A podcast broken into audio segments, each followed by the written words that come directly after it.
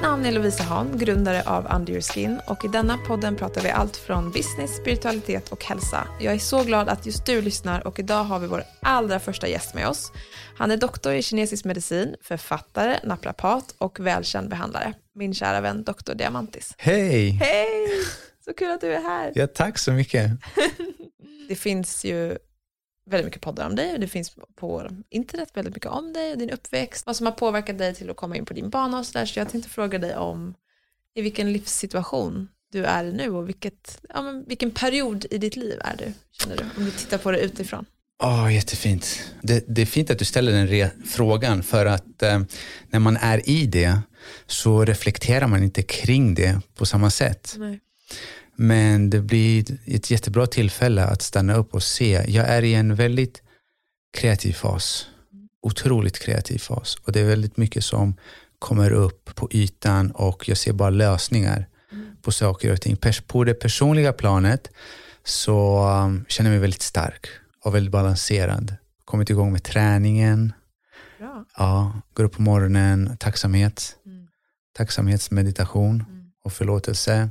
Och sedan, eh, nu är det ju sommar så jag jobbar halvtid, mm. halvdagar fram till klockan 12. Sen spenderar jag tid med min dotter. Mm. Så jag får det utrymmet också. Ja. Och vara i hennes närhet och se hur hon växer och blommar. Mm. Och eh, det mer tid också att vara med min fru. Så om vi summerar det på det personliga planet är det, jag ser framför mig bara ljus, närhet, kärlek och mycket styrka. Ja, väldigt mycket optimism. Ja, verkligen.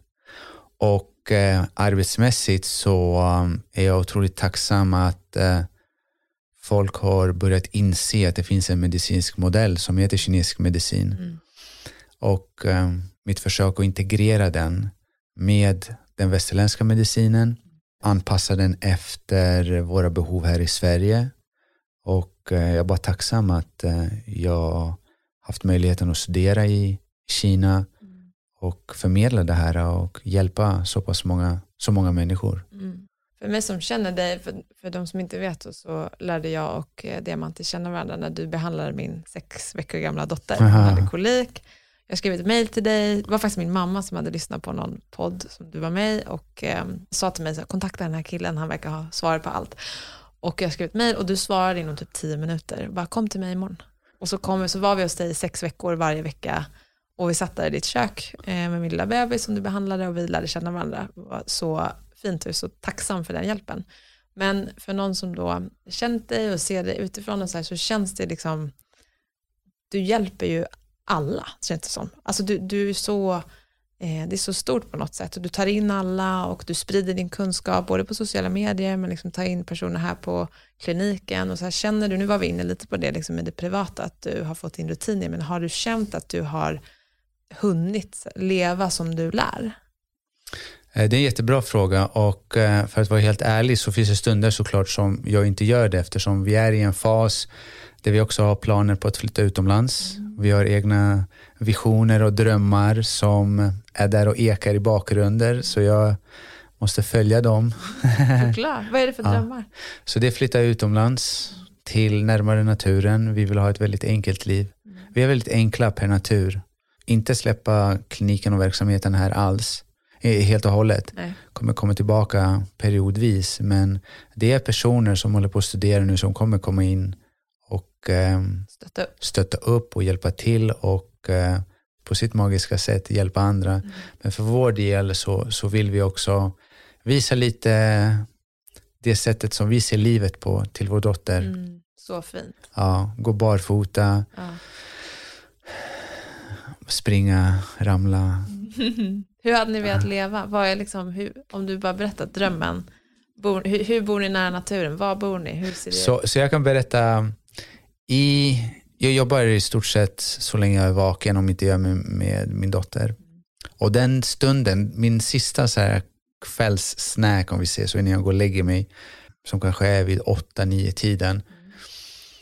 Och då, då tar jag fram och kollar på YouTube. Någon från västvärlden som har flyttat, senast så såg jag, han hade flyttat, först jobbat i, i Singapore, flyttade sedan till landet ute i, i Japan, köpte en gård mm. Vara helt så off-grid, self-sufficient och det, det tilltalar mig Det- jättemycket. ja. Ja, det, det är bättre än vilken Netflix-film som helst. ja. ja, faktiskt. Ja. Leva det på riktigt. Liksom. exakt. Och ge det till sina barn. Det känns ju som att det är så enkelt att tänka att allt det där som man själv värderar så högt är inte alltid så, så lätt att ge sina barn, även fast man verkligen vill det. det. Och det är så lätt att de där åren när de är små går så snabbt så att man, man, man hinner inte ge dem det heller. Precis. Mm. Det är så. Alltså, hon är ju ett litet barn nu fram tills, inte, det är inte lång tid kvar. Nej. Jag tänker, på det, ja, jag tänker på det nu. Hur pass länge till kommer hon vilja att jag bär henne? Mm. Hur pass länge till kommer hon säga pappa, pappa, pappa? Den tiden kommer ju vara över. Den kommer aldrig komma tillbaka. Så även stundtals, det är klart jag också blir frustrerad för att jag har viljor och jag planerar för att göra en sak och så blir det på ett annat sätt. Men i den stunden jag påminner mig själv också att det här är så temporärt. Det är så temporärt och vi har så fin dialog med Vida. Det här med att bära. Jag säger Vida, jag älskar att bära dig. Jag verkligen älskar att bära dig. Jag bär dig så ofta jag kan. Och ibland är det så att vi går till Skansen och jag bär henne kanske en timme och till slut säger jag Vida, vet du jag har lite ont i axlarna. Kan du gå lite? Okej, okej pappa. Jag går lite. Så hon har jättestor först- Ja. eh, förståelse för det. Det är ofta så om man pratar med sina barn, om man bjuder in dem i det Ja. rummet så förstår de. De är med på det, Ja, bara så. man förklarar. Exakt. Och det är så fint. Men jag förundras över din så här tål, alltså tålmodighet med barn, för det upplever jag har varit en utmaning för mig och också för min man. Att, så här, att alltid ha det där tålamodet att förklara. Och speciellt, alltså som vi är ju i samma sits när man driver eget företag Mm. och man har mycket andra, många andra bollar. Att så här, det är så lätt att det blir två helt olika arenor. Ja, Istället för att man liksom förstår att det här är en livsstil. Jag måste få det här att gå ihop och för att få det att gå ihop måste jag få med alla. precis. Inte bara mig och mitt. Liksom. Precis, så är det. Hur jag ser på, på, på det och hur jag resonerar är just att det är inte hennes fel att jag blir frustrerad. Det har med mig att göra. Och, och varför ska min inkompetens att vara närvarande gå över och Mm. spilla över på henne? Mm. Som tur är, jag vill tro att jag har en så pass självmedvetenhet att den kommer upp, Mm. men jag låter det inte rinna över. Nej. Nej. Ja. Fint. Nej, men det, det, barn är också så himla fulla av det, så här, rå livsenergi. Mm. Ja, exakt. De är, på något sätt känns det också många gånger som att man eh, påminner sig själv om att okej, vad ska jag lära mig nu här? För det är de som är den stora läraren. Ja, exakt. Inte tvärtom. Ja, liksom. ja. Det, och det där är så nyttigt att tänka på det sättet. Ja. För det, då utvecklas man på riktigt. Precis, exakt så. Och det är för att de lyfter fram just de här små inre konflikterna, frustrationerna Mm. och samtidigt vara den ledaren de behöver Mm. för att disciplin kommer från disciple to follow. Mm. Det är inte att säga till någon vad de ska göra men eh, leda som ett exempel. Mm. Ja, Verkligen, ja det är det de tar efter. ja, Det är det de tar efter alltid. Liksom. Men nu har vi pratat om våra barn och sådär, men om man pratar om din uppväxt, finns det en så tydlig vändningspunkt för dig när du kom in på den banan du är i idag? Finns det någon, någon situation eller händelse som gjorde att du liksom fick en katapult in i det här sättet att, att leva och, och lära ut?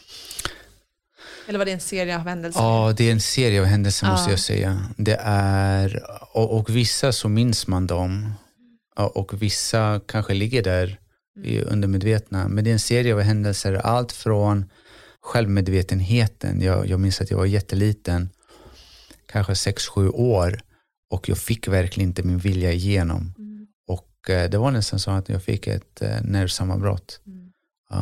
Och och jag, i den stunden så minns jag hur jag nästan sögs ut ur min kropp och såg mig själv ovanför och bara skrattade åt mig. Wow. Och jag skrattade åt mig själv och just i den stunden jag blev så förvånad av den upplevelsen att jag slutade gråta tvärt. Jag var i Grekland, det var min farmor som, som, som var i min närhet och då tog hon tag och kollade om det var något som hade hänt med mig. Och jag blev bara helt tyst. Det var inte att jag var dissocierad i den situationen för att jag var helt medveten om det. Och det lämnade mig med ett väldigt djup lugn. För att därifrån så skulle jag promenera för att gå till mina föräldrar som var i andra sidan byn. Och det var verkligen så att jag såg alltihopa, trots att jag hade gått den vägen flera gånger. Jag såg den vägen för första gången. Oh, wow. Ja, det är så varenda lilla löv, Mm. varenda lilla förnimmelse i kroppen, intryck. Mm. Det var, ett så, det var så harmoniskt. Och sen var det väldigt liknande upplevelse var det, det här är faktiskt första gången jag berättar det här. Och det var, jag gjorde lumpen i Grekland Mhm. och det var en väldigt tuff eh, period. Men jag hade lånat, eller jag hade lånat pappas bil utan jag fick det. Ja, okej. Så det var svenska registreringsskyltar och såklart så krockade jag trots att det inte var mitt fel. Åh, nej, ja, klassiker. Ja. Och eh, är man i lumpen så måste då militärpolisen komma in Mm. och, och eh, reda ut det här. Men jag sa att jag var turist. De, vi gick till polisstationen, jag tog på mig all skuld och sedan var jag tvungen att köra tillbaka till, till stan för att reparera den. Ja. Long story short, när jag åker då på motorvägen så åker, vad heter den, huven? Eh, ja, motorhuven. motorhuven. Ja. Den, åker, den lossnar, den åker upp och så slår den sönder Åh, vindrutan. Så jag ser inte, så jag får sticka ut mitt huvud på sidan för att se vart jag Så jag stannar, stannar ner på ett väggren och kommer ut och det var så här, det här var toppen. Herregud. Ja, och då får jag, fick jag nervsammanbrott, jag bara Ja. grät och det var typ andra gången sen Som- dess. Ja. Och då återigen Mhm. så sögs jag ut och så bara garvade jag åt mig själv. Så här, Kolla på dig. Ja. Så här, rena så här, tragokomiska situationen. Och eh, det, det var så stor lärdom eftersom jag förstod att det finns ett medvetande. Ja. Finns ett medvetande. Och sen såklart med mina sjuk eller allergier. Jag gick Ja. på kinesisk medicin som Mm. liten. Det planterades ett frö. Mm. Basketen tog slut från basketkarriären, började plugga naprapati och sedan. Men det skulle jag säga är en av de stora eftersom jag visste att det fanns någonting där. Mm. Någonting oförklarligt som jag hade upplevt. Ja. Men sedan i Kina och i kontakt med buddhismen, då började man förstå, okej vad är det här för Ja. något? Den som observerar medvetandet. Ja, precis, betraktaren. Och hur kan man då komma till den här... Ja. Har, du haft, har du kunnat komma dit när du har börjat meditera? Ja, i, I Kina var det en, en väldigt intensiv period som jag mediterade väldigt mycket. Mm. Och det är en, för alla som kanske gett upp på meditationen eller som, det är träning. Det är träning. Du måste göra det konsekvent Ja. varje dag. Ja. Och det jag hade kommit upp och, och hade min morgonrutin på en och en halv, två timmar per, per morgon. Och då mediterar du en och en halv, två timmar? Meditationen i sig kanske varade allt mellan 45 till en och en halv timme. Okej. Och då var det flera gånger som jag hade kommit in i en väldigt djup meditation. En, eh, när man pratar om att saker och ting expanderar och tid och rum böjer sig. Mm. Och att man, det var verkligen, Mm. Och det är det närmsta man kan komma till beskrivningen, men även beskrivningen är vad jag försöker sätta ord på en upplevelse som Mm. inte går att beskriva. Beskriva? Nej, Ja. jag förstår. Så hur smakar en rambutan? Ja. Ja, exakt. Ja. Nej, men det är väldigt häftigt. Men när du gjorde den meditationen, vilken typ av meditation var det? Hur kom du dit? Liksom? Den typen som jag hade jobbat väldigt mycket med är en single point meditation. Mm. Beskriva lite? Så den baseras, det finns olika steg och du kan börja från något som heter trataka. Okej. Och trataka betyder point meditation och du börjar, kan börja med att sitta bara en armlängd ifrån en vägg Mhm. och um, göra bara en liten, liten prick. Och så sitter du och bara stirrar in på den pricken. Och du kan börja med bara 30 sekunder. Mm. Och så kan du blunda i 30 sekunder. Och så öppnar du ögonen Ja. igen 30 sekunder. Och så blundar du. Mm. Och nästa dag kan du förlänga det här. Och när du känner mer och mer att ditt sinne inte vandrar iväg, Mm. att du verkligen är steady, du är laser sharp. Och inga tankar kommer in till ditt fält av det här i sig är inte per se meditation, det är mer koncentration. Ja. För att när vi lär oss då koncentrera oss på det viset, därefter kan man då fortsätta med enbart att visualisera det i tredje ögat. Okej. Ja. Ja, så att tredje ögat är punkten mellan ögonbrynen. Mm. Och sen kan du förlänga den här perioden Okej. mer och mer och mer. Och mer, Ja. Började också med en form av andningsövningar, några rytmiska Mm. andningsövningar. Det finns specifika tekniker, svårt att beskriva helt nu här på podden. Mm. Men det kan också förbereda dig till att komma i ett, i ett djup. Mm. För att sedan gå in i den här single point meditation och eh, du känner helt plötsligt att ja, du vet inte om du är i kroppen eller utanför Nej, kroppen. Men ja, Mm. Saker och ting är inte så, så tydligt längre. Nej, det är häftigt. Eh, Kan den här meditationen, för jag gjorde någon gång när jag var i Indien att man hade den här single point meditation, att man tittade på ett ljus, kan man också göra. men Exakt. man fick inte blinka. exakt. Är det samma? Ja, Ja, okej. ja. Så det är också en form av Ja, det, var, det var nästan liksom, det blev ju nästan lite psykedeliskt eller Ja. precis som du beskriver, att så här, jag vet inte om jag är i kroppen eller utanför, eller det, Ja. det, det, det blir flytande på något sätt. Ja, det var väldigt häftigt. Ja, det är det. Och jag tror det är väldigt nyttigt också för oss att, att få insikter på att det finns olika typer av states of reality. Ja, verkligen. Att det här fysiska planet är inte bara det enda. Nej, det finns så många lager av energi och saker som vi inte kan se. Det, jag tycker det också blir mer och mer, om man tittar på bara samhället och, och hur det ser ut idag, att det blir mer acceptabelt att det också finns någonting. Gemene man tror mer på att det, inte, att det finns saker som vi inte ser. Man går in i ett rum och kan man säga till exempel, så här, ah, här var det så här konstig vibe.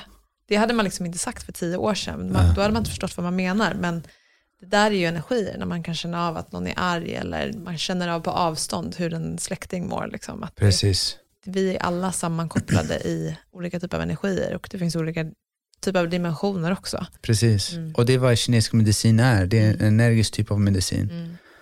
Och eh, där ja, den mest fundamentala delen av, eh, av hela medicinen är yin och yang-filosofin. Mm.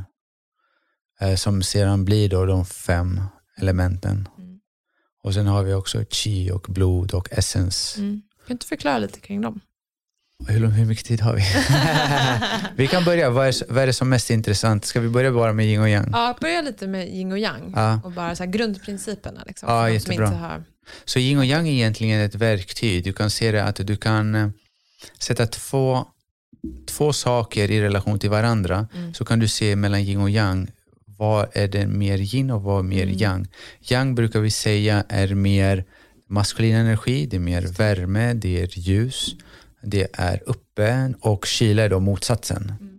Så yin och yang är den här äh, polariteten som skapas. Den nödvändiga polariteten för att uppleva verkligheten. Mm. För att bakom yin och yang finns också cirkeln. Mm. Så både de två halvorna är ju omslutna av en cirkel. Exakt. Så under dualismen Mm. är non-duality. Där allt finns i ett underliggande substrat Mm. som både yin och yang kommer ifrån. Mm. Allt det manifesta kommer från ett underliggande substrat, vilket kan bli väldigt abstrakt bara om vi förklar, Ja. beskriver det på, Ja. kort på det viset. Men eh, vi kan säga att i, i, ifall man destillerar ner atomer till elektroner, till kvarkar till och så vidare så, så ser vi att det bara är ett fält av vibration i slutändan. Mm. Där också kvantfysiken får mycket insikter kring det som kinesisk medicin har pratat om väldigt länge. Så man använder sig av yin och yang för att förstå lite, låt oss säga, okej, någon är, um, kommer till mig och är sjuk. Mm. Den ena har feber, okej, han är väldigt varm var han, han har för mycket yang i Ja. sig. Och den andra kanske fryser hela tiden, har eh, låga sköldkörtelnivåer, behöver ta vaccin, är lös i magen och det där är en condition av för mycket yin. Ja. Vi ska, ska vi alltid vara en balans av de här två lika mycket? Precis. Men sedan på papper ser vi det och det ser väldigt statiskt ut. Ja. Men det här är någonting dynamiskt. Mm. Så det här är ett continuum, det är ingenting som står är- stilla. är. Exakt. Och min hälsa, det hela tiden är en balans Mm. på flera olika plan och vi kan se det som en balans av en bräda som går att svaja åt höger och vänster. Mm. Men om det är en platta med fyra hörn, en kvadrat och du har då en kon i mitten som balanserar upp. Helt plötsligt nu så har du fyra Ja, stycken, exakt. fyra stycken hörn som måste vara i balans med, Mm. med samma. Och sen om vi har sen då sex Mm. kanter, åtta, tio, tolv, Ja. sexton. Ja. Det finns så många faktorer som. Behöver vara i balans med varandra. Mm. Och någonstans där så är det väldigt lätt idag att generalisera att hälsa är lika med kost. Ja, ja och det, det, det tänkte jag komma in på också, att, att man kategoriserar allting. Det, man pratar om holistisk hälsa men det är sällan man verkligen är holistisk utan man riktar in sig på en sak. Och det, men det är också, jag förstår det för att det finns så otroligt mycket ute idag. Alltså... Jag skulle säga anledningen till det att vi är indoktrinerade mm. är just det, den typen av tankemönster. Mm. Så även de mest holistiska terapeuterna eller låt oss säga funktionsmedicin, de gör jättemycket bra men det är fortfarande närmare reduktionistisk typ av medicin än holistisk. Mm.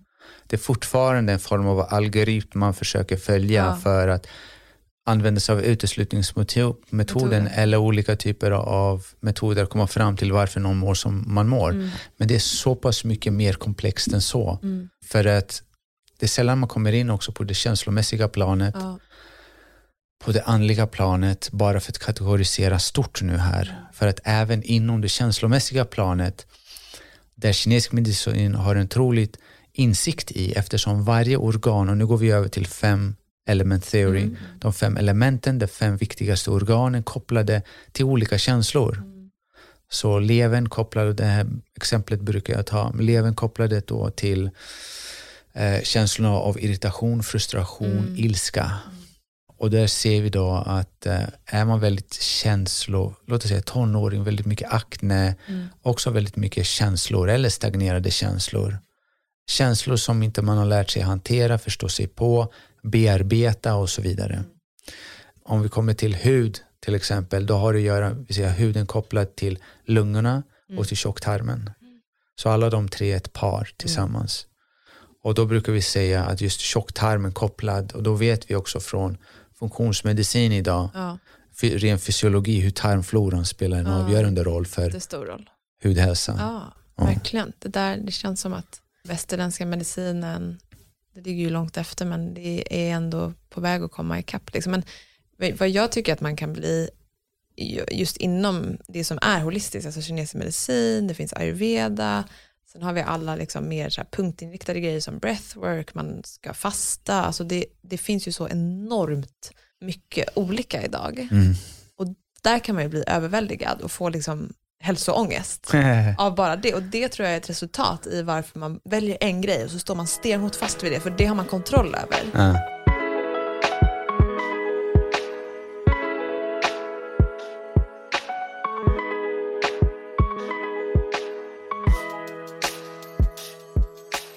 Vad är din filosofi inom det? Vad, hur ser din verklighet ut i alla de här olika... Jag kan prata från min egen erfarenhet. Ja. Att jag eh, en gång i tiden, så när jag slutade spela basket så ville jag bygga mycket muskler. För jag per natur är en, ja, men en stolpe. Jag är väldigt slim fit brukar jag kalla mig själv för. Och, men det är klart, eh, kommer man från eh, orten som ung vuxen så ska man ha mycket muskler. Så jag försökte verkligen gå till gymmet nu, behövde inte springa en massa på basketplanen. Nu är det dags att bygga muskler. Och då började jag läsa, okej okay, jag måste ju ta reda på vad jag ska äta för att bygga mycket muskler. Mm.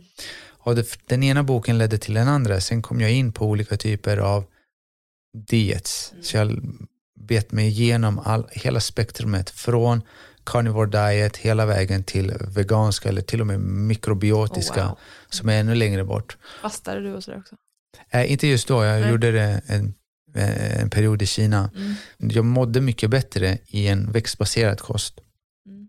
Och jag förstod mig på fysiologiskt och anatomiskt och känslomässigt varför det it made more sense till att äta mer växtbaserat. Ja. Och mer växtbaserat, det är inte endast växtbaserad men mest växtbaserad. Mm. Men eh, under den perioden så var det faktiskt bara växter och jag Veganskt helt enkelt. Veganskt ja. helt enkelt. Och jag identifierade mig själv med det också. Mm. Och vad jag hade gjort är att jag hade gått, gått runt och, och flaggat också. Jag hade blivit en, en missionär. vegansk missionär. En vegansk missionär, ja. precis.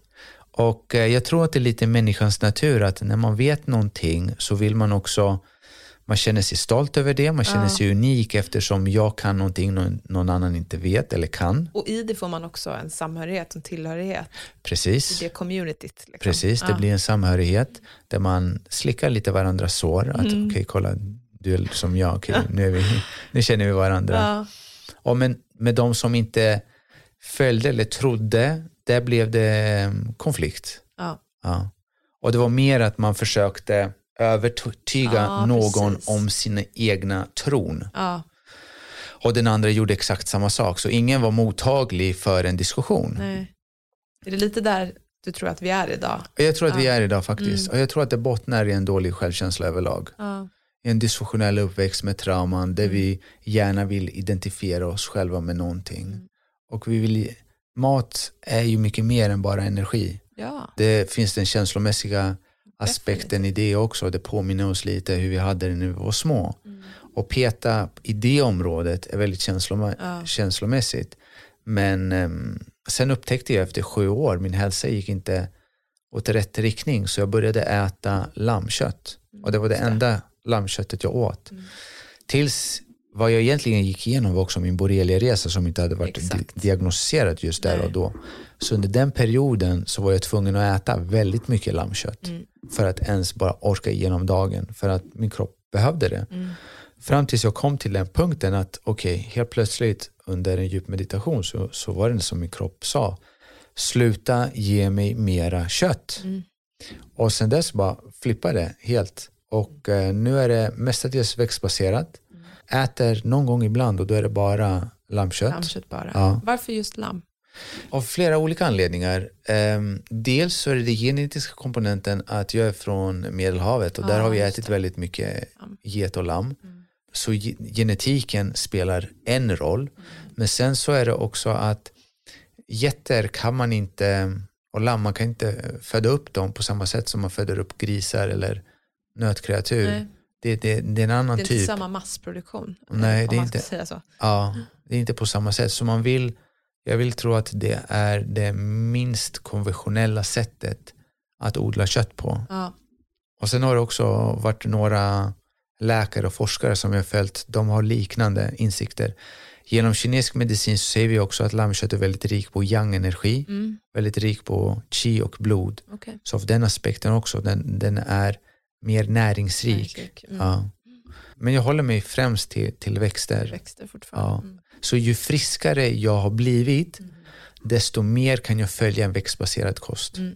Och då är det inte veganskt, för jag klassificerar inte mig in på någonting heller. Nej, jag förstår. Ja, men du är det, bortom det nu. Liksom. ja, växtbaserad. Mm. Och jag försöker inte övertyga någon. Jag Nej. delar med mig av den fakta som finns. Ja, För att det finns väldigt mycket missinformation där ute. verkligen. Det Som refer- förvirrar. ja. Och vad jag skulle säga till och med är att även det jag säger, tro inte på det. Kolla in de källorna som jag, som jag citerar eller Mm. refererar till. Och också väl själv. Alltså, Precis. Du, man känner sin kropp när den mår bra. Mm. Gå efter det Ja. och lite vett. Liksom. Ja. Ja. Men skulle du säga, om vi går tillbaka till det här yin och yang energi, också det som hör ihop med att man är ja, förvirrad eller väl, var väldigt stolt och hitta samhörighet i veganskt och alltihopa. Ser du någon liksom, universell obalans, eller det kanske bara är här i västvärlden, som gör att vi eh, ja, men helt enkelt är obalanserade och, och halkar in fel och inte lever enligt liksom, holistisk hälsa och Ja, bra mår så fråga. bra som vi kan. Och det kanske är liksom, det har med det digitala samhället att göra och kosten, det är väl en, det är väl en kombination av mycket. Men vad, är du, vad ser du är de största obalanserna i vårt samhälle i västvärlden? Okej, om vi ska verkligen, verkligen, verkligen destillera ner det. Mhm. Och det faktiskt, det kom till mig, det här ordet kom bara i förrgår. Mm. Och det är verkligen så att vi är just a bunch of spiritual orphans. Ja, faktiskt. Alltså spirituella, föräldralösa själar som försöker förstå oss på vad den mänskliga upplevelsen är för något. Gud, man kan verkligen identifiera sig med det. Ja, alltså det är hur jag ser Ja. mig själv. Ja. Och, och min resa, det är bara att lappa ihop. Ja, Jag bara försöker Mm. lappa ihop och i den innersta vänkretsen jag har som jag ser alla är på en form av självarbete. Ja. De tar det väldigt seriöst. Inte seriöst i bemärkelse att man blir självupptagen och viktig men, men att eh, försöker befria sig och förstå sig på lidandets natur Mm. i sig. Och vi lär oss av varandra i våra eh, samtal med varandra och, och egentligen så här, vi försöker lappa ihop oss själva ja, och tillåta oss själva gro djupa rötter. ja. Bli, Vad- exakt. Vad tror du det är som har bidragit till att vi har hamnat här och bli spiritual orphans? Liksom? Ah, bra fråga. Är det generationer tidigare? Ja, ja, ja definitivt. Det är generationer. Det är allt från, häxjakten. Till att alla konflikter, så låt oss säga en grupp människor ger över en annan grupp människor. Mm. Vilka personer är de personer som är störst hot mot oss? Mm. Det är väl de visa, de kloka, Ja. det är de som ska bort. Vilka vill vi ha kvar? Ja, med de kanske arbetarna, rena arbetare. För jag tror att det finns någon form av, och det här är inte att någon är viktigare än den andra, men vi har, det finns specifika energiska arketyper som har olika typer av förmågor. Inte att den ena är bättre eller viktigare än den andra, men hela det här spektrumet av komposition av energi är nödvändigt för att hela den mänskligheten ska finnas. Mm. Vi kan inte bara ta bort en del av dem Nej. och vi kan inte försöka övertyga att någon ska bli något som inte de egentligen i essens Nej, är. verkligen. Ja, det så här, tvingar in mig att jobba i så under naprapatutbildningen jobbade jag på Jula, Ja. jättefin butik. Ja. Men alltså, Ja. min, min, min fru brukar skoja med mig, så här, vill du gå tillbaka och jobba på Jula? Eller så ger hon ett annat så här, alternativ som inte jag alls vill göra. Och det är så här, Nej. ah, det är bara, det är bara Kriga panik. på, ja. Nej, men det där känner man igen sig i. Jag tror alla kan relatera till när man har varit på en plats i livet där man inte ska vara. Exakt. Och jag tror att man har, vissa har lättare, vissa har svårare för att ta sig därifrån. Ja. Och när man har svårare att ta sig därifrån, alltså ju längre tid som går desto svårare blir det. Mm. Och desto mer påverkar det ens mentala och kroppsliga hälsa. liksom. Ja. Och, och därefter, det, det är så viktigt för att med spiritual orphans, vad vi ser idag och vi tror att det finns en politisk lösning när det inte finns en politisk lösning till ett spirituellt problem. Det handlar om min inre konflikt. Det finns två olika plan på något sätt. Ja, och det är det energiska som manifesteras på det fysiska. Mm. Och det är vad kinesisk medicin är. Mm. Om det finns en energisk stagnation på grund av stagnerade känslor i det förflutna, det kommer uttrycka sig, manifestera sig fysiskt. Mhm. Med är en ung, låt oss säga jag generaliserar här, men en tonårstjej som, som har oro hela tiden. Ja. Turbulent hemma, känslokall pappa, mamma, går runt magen hela tiden. Går ihop, ihopkrupen. Magen är ett energicentrum. Ja. Det är ett känslocentrum. Ja. Och det sitter så mycket där och det hamnar så mycket blockeringar där Precis. som måste lösas och det är det som, som jag också tycker att man ser eh, överallt, det är att, att vi är så mycket uppe i vårt intellekt. Ja. Att vi, vårt, in, vårt mind och vår kropp är liksom två helt separata Ja. bitar för de flesta. Ja. Vilket jag också kan förstå, för man själv känner ju också så ibland. Men Ja. när man fastnar så mycket uppe i sitt intellekt och försöker lösa alla, alltså både problem men också känslor med sitt intellekt, istället för att förstå att så här, okay, men det här sitter i min kropp. Mm. Det, det är en sån insikt när man kommer dit, Ja. att man förstår att så här, okay, det här är smärta, även om mitt intellekt har jobbat klart med det här kanske, Ja. så sitter det fortfarande i kroppen. Kroppen måste få hjälp med att släppa på det här. Precis. Mm. Precis. Och ibland så man använder sig av fel verktyg Mm. och man för, går en fel riktning Mm. helt enkelt. Man försöker hitta sig själv, man jobbar med sig själv, vilket allt har ju sin tid och plats, men när man verkligen försöker gå genom intellektet, gå in till hjärtat, Mm. genom yang-energin, gå in till yin, genom det analytiska, gå in till kärleken, det, det går inte. Nej. Det är, så här, det är inte samma, Nej. det är helt två olika världar. Ja. Och många behöver ju då stångas för att hamna där nere i botten i slutändan. Ja. I det djupaste, mörkaste botten som egentligen finns i ens liv.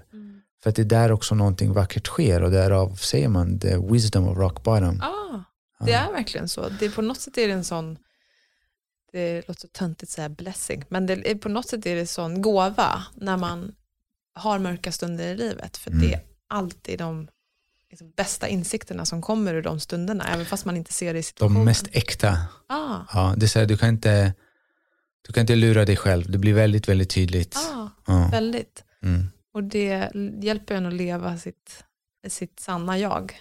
Och du ser, allt det här går i hand i hand. Mm. Det går i hand i hand med att det mänskliga lidandet. Mm. Med att, ja, men tillbaka till, till unga flickor som är eh, missledda idag och jag tror inte att det är en tillfällighet att nio utav tio lider av menstruationsbesvär. Nej. Så det, det, ser ju du någon, väldigt mycket av. precis, din- jag din ser ju där och Ja. där har vi då utav de nio utav tio, Mm. en utav dem kommer nu utveckla endometrios, Ja. allvarlig diagnos Ja. som kan leda till att man behöver ta bort hela livmodern. Mm. Det här är bara ett tecken i mina ögon att unga kvinnor har inte förstått sig på vilken typ av, hur de är uppbyggda, vad de Nej. är skapade av.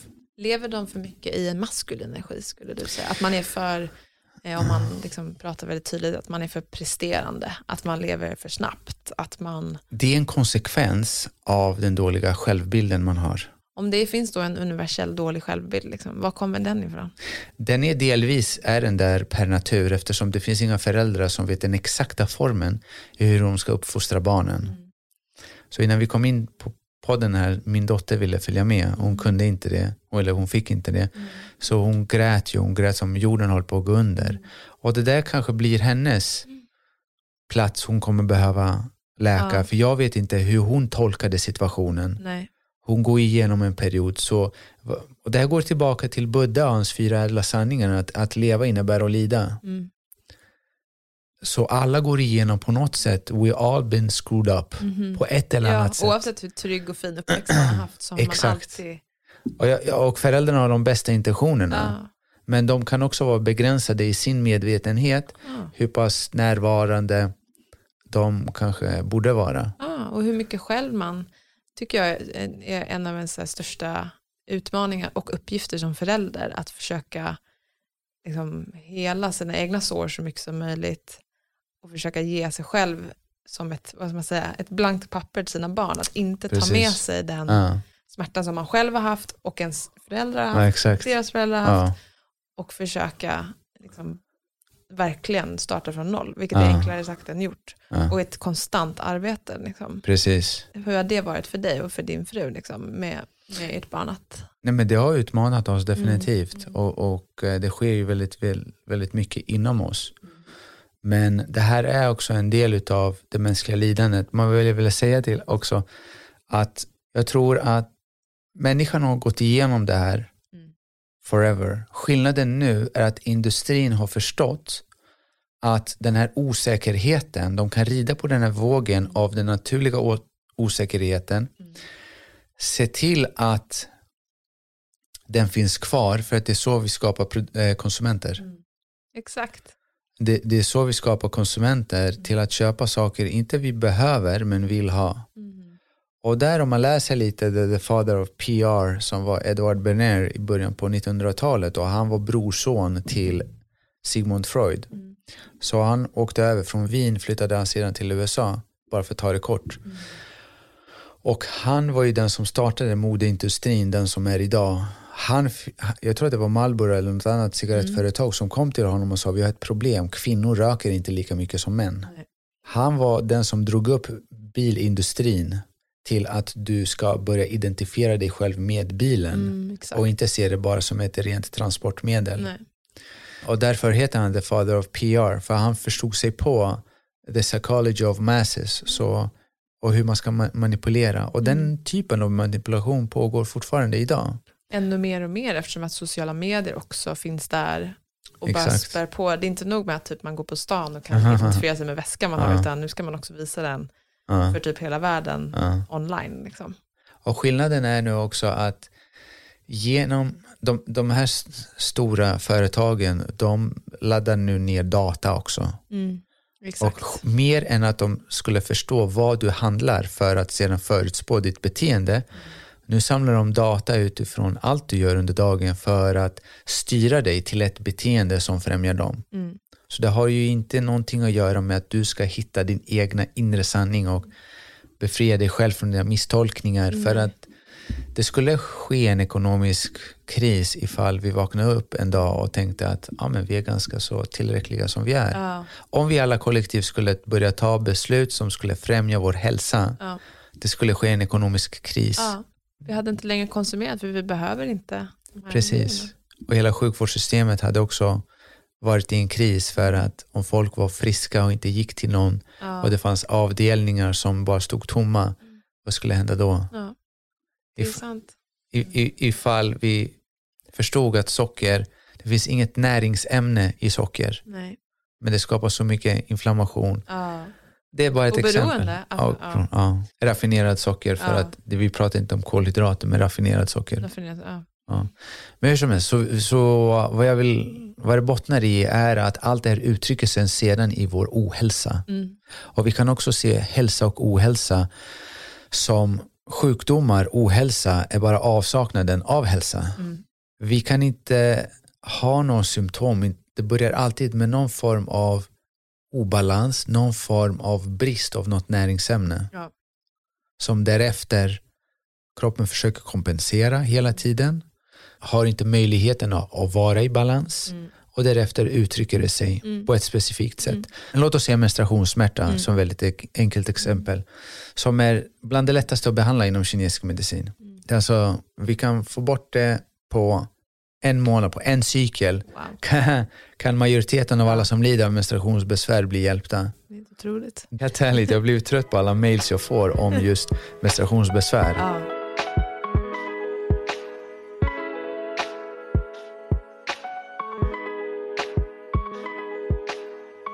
Så vad vi gjorde, jag och Patricia, min kollega, vi gjorde en liten studie. Där vi tog em, en grupp kvinnor och em, det här var bara en observations... Ja. Ja, där vi satte dem i tre månader, tre cyklar, fick de eh, specifik kost, uteslutade vissa råvaror, vissa tillskott och kinesiska örter. Mm. Och vi såg alla blev bättre. Mm. Och då ska man utesluta, visst är det vete, mejerier Ja, och socker. och socker. Precis, Ja. de till sakerna skulle de Mm. undvika. Och det var, alla mådde bättre. Mm. Både humörmässigt, Mm. smärtmässigt, energimässigt, sov bättre. Mm. Och det är vissa var otroligt tacksamma för de har haft besvär så pass länge. Mm.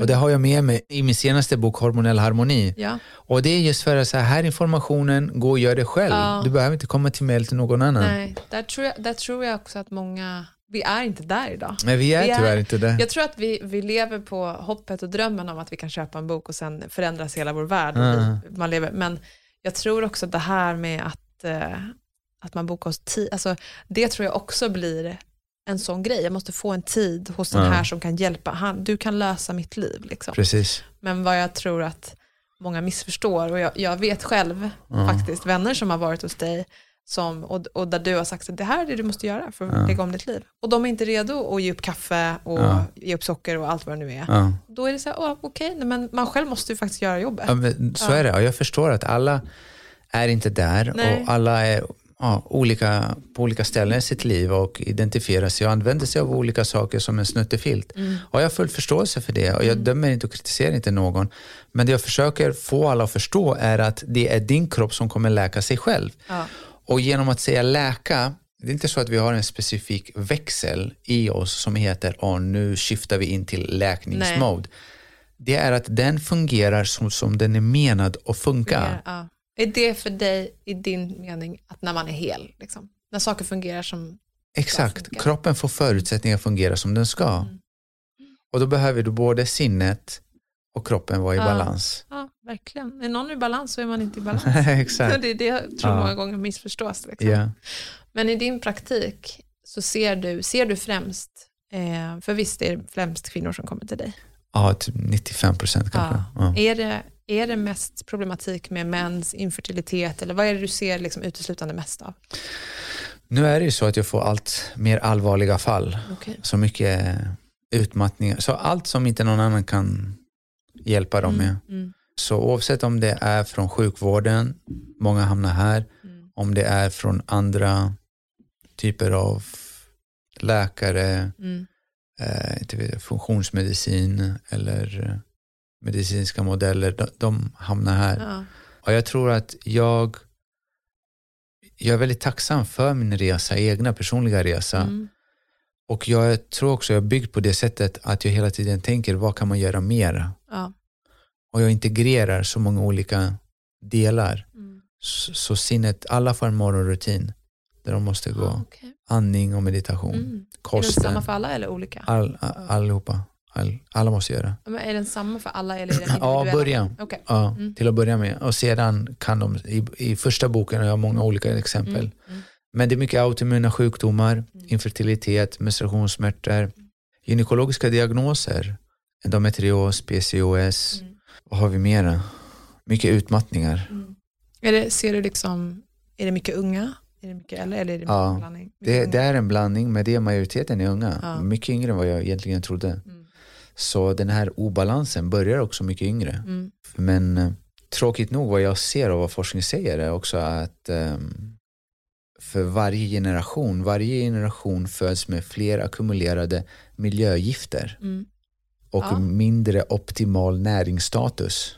Åh, det här är så läskigt tycker jag nästan att prata om. Alltså vi håller ju på att förinta oss själva. Ja, hemskt det är sant. Sen är det enda sorgliga är att det är ju sorgligt för människan. Mm. Jag tror inte att... Nej, det är så något- himla Ja, sant. Det är liksom egentligen, ja. det är bara vi som bryr Jag tror inte någon annan sörjer. Det är inte så här De andra skogen, firar djuren. typ. Ja. Ja. Exakt, det är så här, we can care less. Ja. Ja, de har varit här för länge, what människorna. Ja, exakt. Men det är jättefint den här bilden, du ser, de har en bild på jorden, så här, Planet Earth with humans och så har vi den andra, Planet Earth Ja. without humans. Mm. Och det är inte att vi ska förakta oss själva, att vi är elaka, men att vi är bara förvirrade. Just, Ja. Vi är de här spiritual orphans som går runt bara och tar sönder saker och Ja. ting. För, Då är man ju inte hel när man agerar på det sättet. Det är, alltså klimatet är ju också, det, det, när man tittar på hur allt hänger ihop, liksom, Mm. att klimatet och det som händer nu, jag tycker typ den här sommaren också visar mycket på, det har varit storm, alltså svenska Mhm. somrar kanske inte är perfekta alltid, men ändå, det, det blåser mer än vad det gör, Ja. södra Europa är varmare än någonsin har varit, att Ja. så här, klimatet är också en sån spegling av hur vi mår, alltså hur mänskligheten mår. Vi kan se det också, det finns en teori som heter Gaia theory. Mm. Och det är att man ser jorden som en enskild komplett organism. Och den säger ifrån. Ja, Vi kan inte köra med den hur länge som helst. nej, det, det, det håller på att ta slut nu. Ja. Jag, egentligen, jag är optimist. Jag tror att det så som hos individen att det är här, vi måste hit rock bottom för att Ja. någonting vackert ska komma ut. Ja, sant. Vi är Så ju behöver på väg vi- dit. Liksom. Ja, hela Ja. tiden. Å andra sidan så, så vi har alltid pratar om, jag hör så mycket, oh, det är ett skifte nu, det är ett skifte. Mm. Okej, människan gick igenom första andra världskriget. Hur många miljoner försvann inte då? Ja, Och då tänker man, ah, nu borde det ske ett skifte. ja, Det hände inte ett skifte. vi, vi är fortfarande, ja, men det kanske inte var läge just då. Det är Nej. kanske något annat som puttrar Ja, under ytan som måste man manifesteras. måste med upp liksom. Ja, men jag tror definitivt att vill du göra någonting åt mänskligheten så befria dig själv från dina egna Ja. inre konflikter. Det rådet är så enormt bra. Kan du Mm. inte upprepa det en gång? Orsa? Om du vill göra någonting för mänskligheten, gå in och gör ditt inre ar- arbete och se till att det inte finns någon inre konflikt hos dig. Ja, det där är så värdefullt för att varje person, varje människa som går ett par sko- i ett par skor där ute vill må bra. Exakt. Och vi har en strävan efter att må bra, att Ja. lösa våra inre konflikter, Mm. att bli av med vårt lidande Mhm. Och allt det vi håller på med. Ja. Det, den längtan, jag tycker det är så fascinerande, men den, den tycker jag man ser i varenda person man möter. Ja. Jag tror att det är den längtan som också ger, eller liksom man ser att det är, finns hos alla människor. Det är ju också det som är hoppet i att vi klarar av att göra det här. Liksom. Jag älskar, jag läste, vi började prenumerera Bamse-tidningar Hemma. och så var det igår, eller i förrgår så kom det en Bamse-tidning och eh, ena lilla storyn där var om Pandoras box. Mhm. Och det var jättekul att läsa den tillsammans med min dotter för då var det så här om en, de två små björnarna Skalman han inte säga att man inte skulle öppna Pandoras box så öppnar de den, Jaha. de små björnarna. Och eh, då kom då lögnen kom fram och Ah. sjukdomarna kom fram och kriget kom fram och så vidare. Så var också hoppet där. Och så var det till slut då att det var summa summarum hoppet som tog ner alla in i asken igen. Ah. Så symboliken bakom det, det är det sista vi Ja. lämnar efter oss, hoppet. hoppet. Ja. Men eh, ja, i och för sig, det är också svar på det, så här, inför nästkommande generation, så här, våra barn. Mm. Det enda vi då kan göra är att jobba med oss själv så pass mycket. All För att fokus, ge dem ett, eh, liksom en gåva i att exakt. det är jobb, arbetet. Liksom. Ja. Mm. Jättemycket och det är inte att man är egocentrisk och det är det här som är också utmaningen, att man ska Mm. göra det utan att bli självupptagen. Så gör ditt arbete utan att bli självupptagen. Mm. Exakt, det är, det är en stor, det, Ja. det, det är också ego, alltså Ja. om man ska prata lite om det, att det, det spirituella egot kanske är störst av alla också. Det är det Precis. som är det farliga i det, att Precis. det är väldigt enkelt att gå in i det istället för... Ja. Och inte identifiera sig själv med, med Nej. något, vilket också blir lätt Mm. Hänt. Ja, som med du med veganska, alltså det är Ja. jätte, det, det är ju typ det första som händer Ja. innan man kommer förbi det där. Liksom. Mm. Ja, jag tror, precis som du sa, att man, det är en fas, man kan komma över det. Mm. Men det blir så lätt att det blir separation och att det blir mer konflikt. Mm. Och eh, i slutändan, tappa inte din inre frid. Det är bättre att någon tror att de har rätt än att du ska tappa din inre frid Ja, och försöka bevisa att... ja. 100 procent. ja. Vilket fint samtal det här blev. Verkligen. Alltså allt från, vad har vi ens pratat om? Det känns som att allt, vi, var, vi var bara så närvarande båda två. Men jag tänker att vi eh, kör tre sista frågor Ja. som ställs till alla som gästar. Och den första är då, om du fick instifta en universell rutin som alla i hela, vad som helst, liksom, som alla i hela världen var tvungna att göra. Vad för rutin skulle det vara? En rutin? Mm, alltså kan vara Ja. anything. Jag skulle tvinga allihopa att vara tacksamma. Tacksamhetsmeditation, bara Ah. tacksamhet. Ja, Mm. fint. Ja, det faktiskt. mer. Hur, vad, vad, vad gör du för att öva din, din tacksamhet? Det är superenkelt. Du bara sitter ner. Mm. Och det, egentligen är det också bland det svåraste. Att bara sitta själv i ett tyst rum. Mm. Sluta ögonen och bara fokusera på tacksamhet. Tack Man kan vara tacksam över sin familj, sina barn, att man har ett hus, att man mår sakerna. bra. Att ja, man, exakt. alltså, Små grejer. Ja, att man Mm. drack en god kopp te. Ja, Alltså, det exakt. där övar verkligen upp ens, ens eh, också att vara närvarande tycker jag. Att Ja. se de mindre sakerna. Liksom. Mm. Mm. Fint. Jag ska öva mer på att vara tacksam. Aha. Och andra då är, vad tror du är viktigt för oss att tänka på för att kunna stötta den kommande generationens mentala hälsa? Det känns som det är så otroligt mycket mer som påverkar den yngre generationen i deras uppväxt än vad det har varit att för oss. Liksom. Tror du det är viktigt att så här, skydda dem mot sociala medier eller det digitala eller tror du det kommer vara viktigt med att försöka liksom, Nej. Jag tror att det absolut viktigaste är att bekräfta deras känslor. mm, För att genom att bekräfta deras känslor, tillåta dem att känna, bekräfta dem, eh, vi tillåter dem att vara deras autentiska jag, ja, deras sanna jag. mm, och se dem, Ja. de blir sedda och hörda. Mm. Och sista frågan, vem hade du velat, ha, velat höra i podden? Jag skulle vilja höra... Sky's the limit. Sky's the limit? Ja, är det sant? Någon som lever måste det vara. Jaha, okej. Eh, Kan vara vart från planeten. Ah, ja. Okej. Det var svår faktiskt. Det var nästan Var den svåraste frågan. Ja, På riktigt? ja, Gud vad roligt. ja. Du har haft så mycket bra svar på allt annat. Men- Det är, vet du, jag såg en dokumentär Ja, och det var så här, äh, ingen dokumentär gjord av någon stor mediebyrå. Nej. Det är en snubbe som går runt och kör, han lever med olika människor. ah, okej. Och det finns på YouTube, jag kommer inte ens ihåg vad den heter. Nej. Men det är en av den, det är samma serie som den snubben som köpte mark ute i, i Japan. Jaha. Han levde tillsammans med en, eh, han är i USA och den här unga killen, han bestämt sig, han har ingen, han lever utan el, Ja, Utan- ja, jag har hört om honom. ja, utan rinnande vatten, eller han har en bäck utanför, Ja, ingen bil, ingen telefon, men väldigt religiös, väldigt religiös kristen. ja nej, men exakt. Ja, Jag har hört om honom. Gud vad spännande. Det skulle vara riktigt spännande. ja, och han hade jättefina svar på hur han ser på världen och hur Ah. han ser på livet. Jag får försöka hitta honom. Jag ska, jag ska till USA i september. Ja, jag får le- leta. Men eh, om det är någonting mer, någon mer realistisk Mhm, att ha mm. här. Jag har några av mina nära vänner som har Mm. otroligt fina insikter på saker Kul. och ting. Ja. Fint. Så det är eh, flera olika namn. Jag har allt från Josefin Tagesson, hade varit jättefint. Mm. Hessam, hennes man, Babak skulle vara fint att ha här också. Fint. Ja. Mm. De är lite enklare att hitta. De är lite han är i. USA. ja, men tack fina Diamant för att du ville vara med i det här första avsnittet. Jag uppskattar dig så mycket som vän och det är många som gör det. Ja. dig, det vet jag. Tack så hemskt Mm, mycket. tack. Om man vill läsa, tänk om man vill läsa dina böcker, vart kan man hitta dem? Eh, om man vill boka en behandling och så hos dig, behandling, men nybesök. nybesök mm. Allting sker via hemsidan, ja. drdiamantis.com, mm. doktor med C. Där kommer man också till kliniken och boka tider. Där kommer man också till e-shoppen, böckerna, mm. produkter. Mm. Det finns standardiserade recept det, som du kan börja med. Det finns... Um, Exakt, det finns jättemycket bara det finns jättemycket som, med kosttillskott och precis, grejer som man och kan kosttillskott. Mm. Precis, så det är en, en hjälp för dig i din läkande resa. Mm.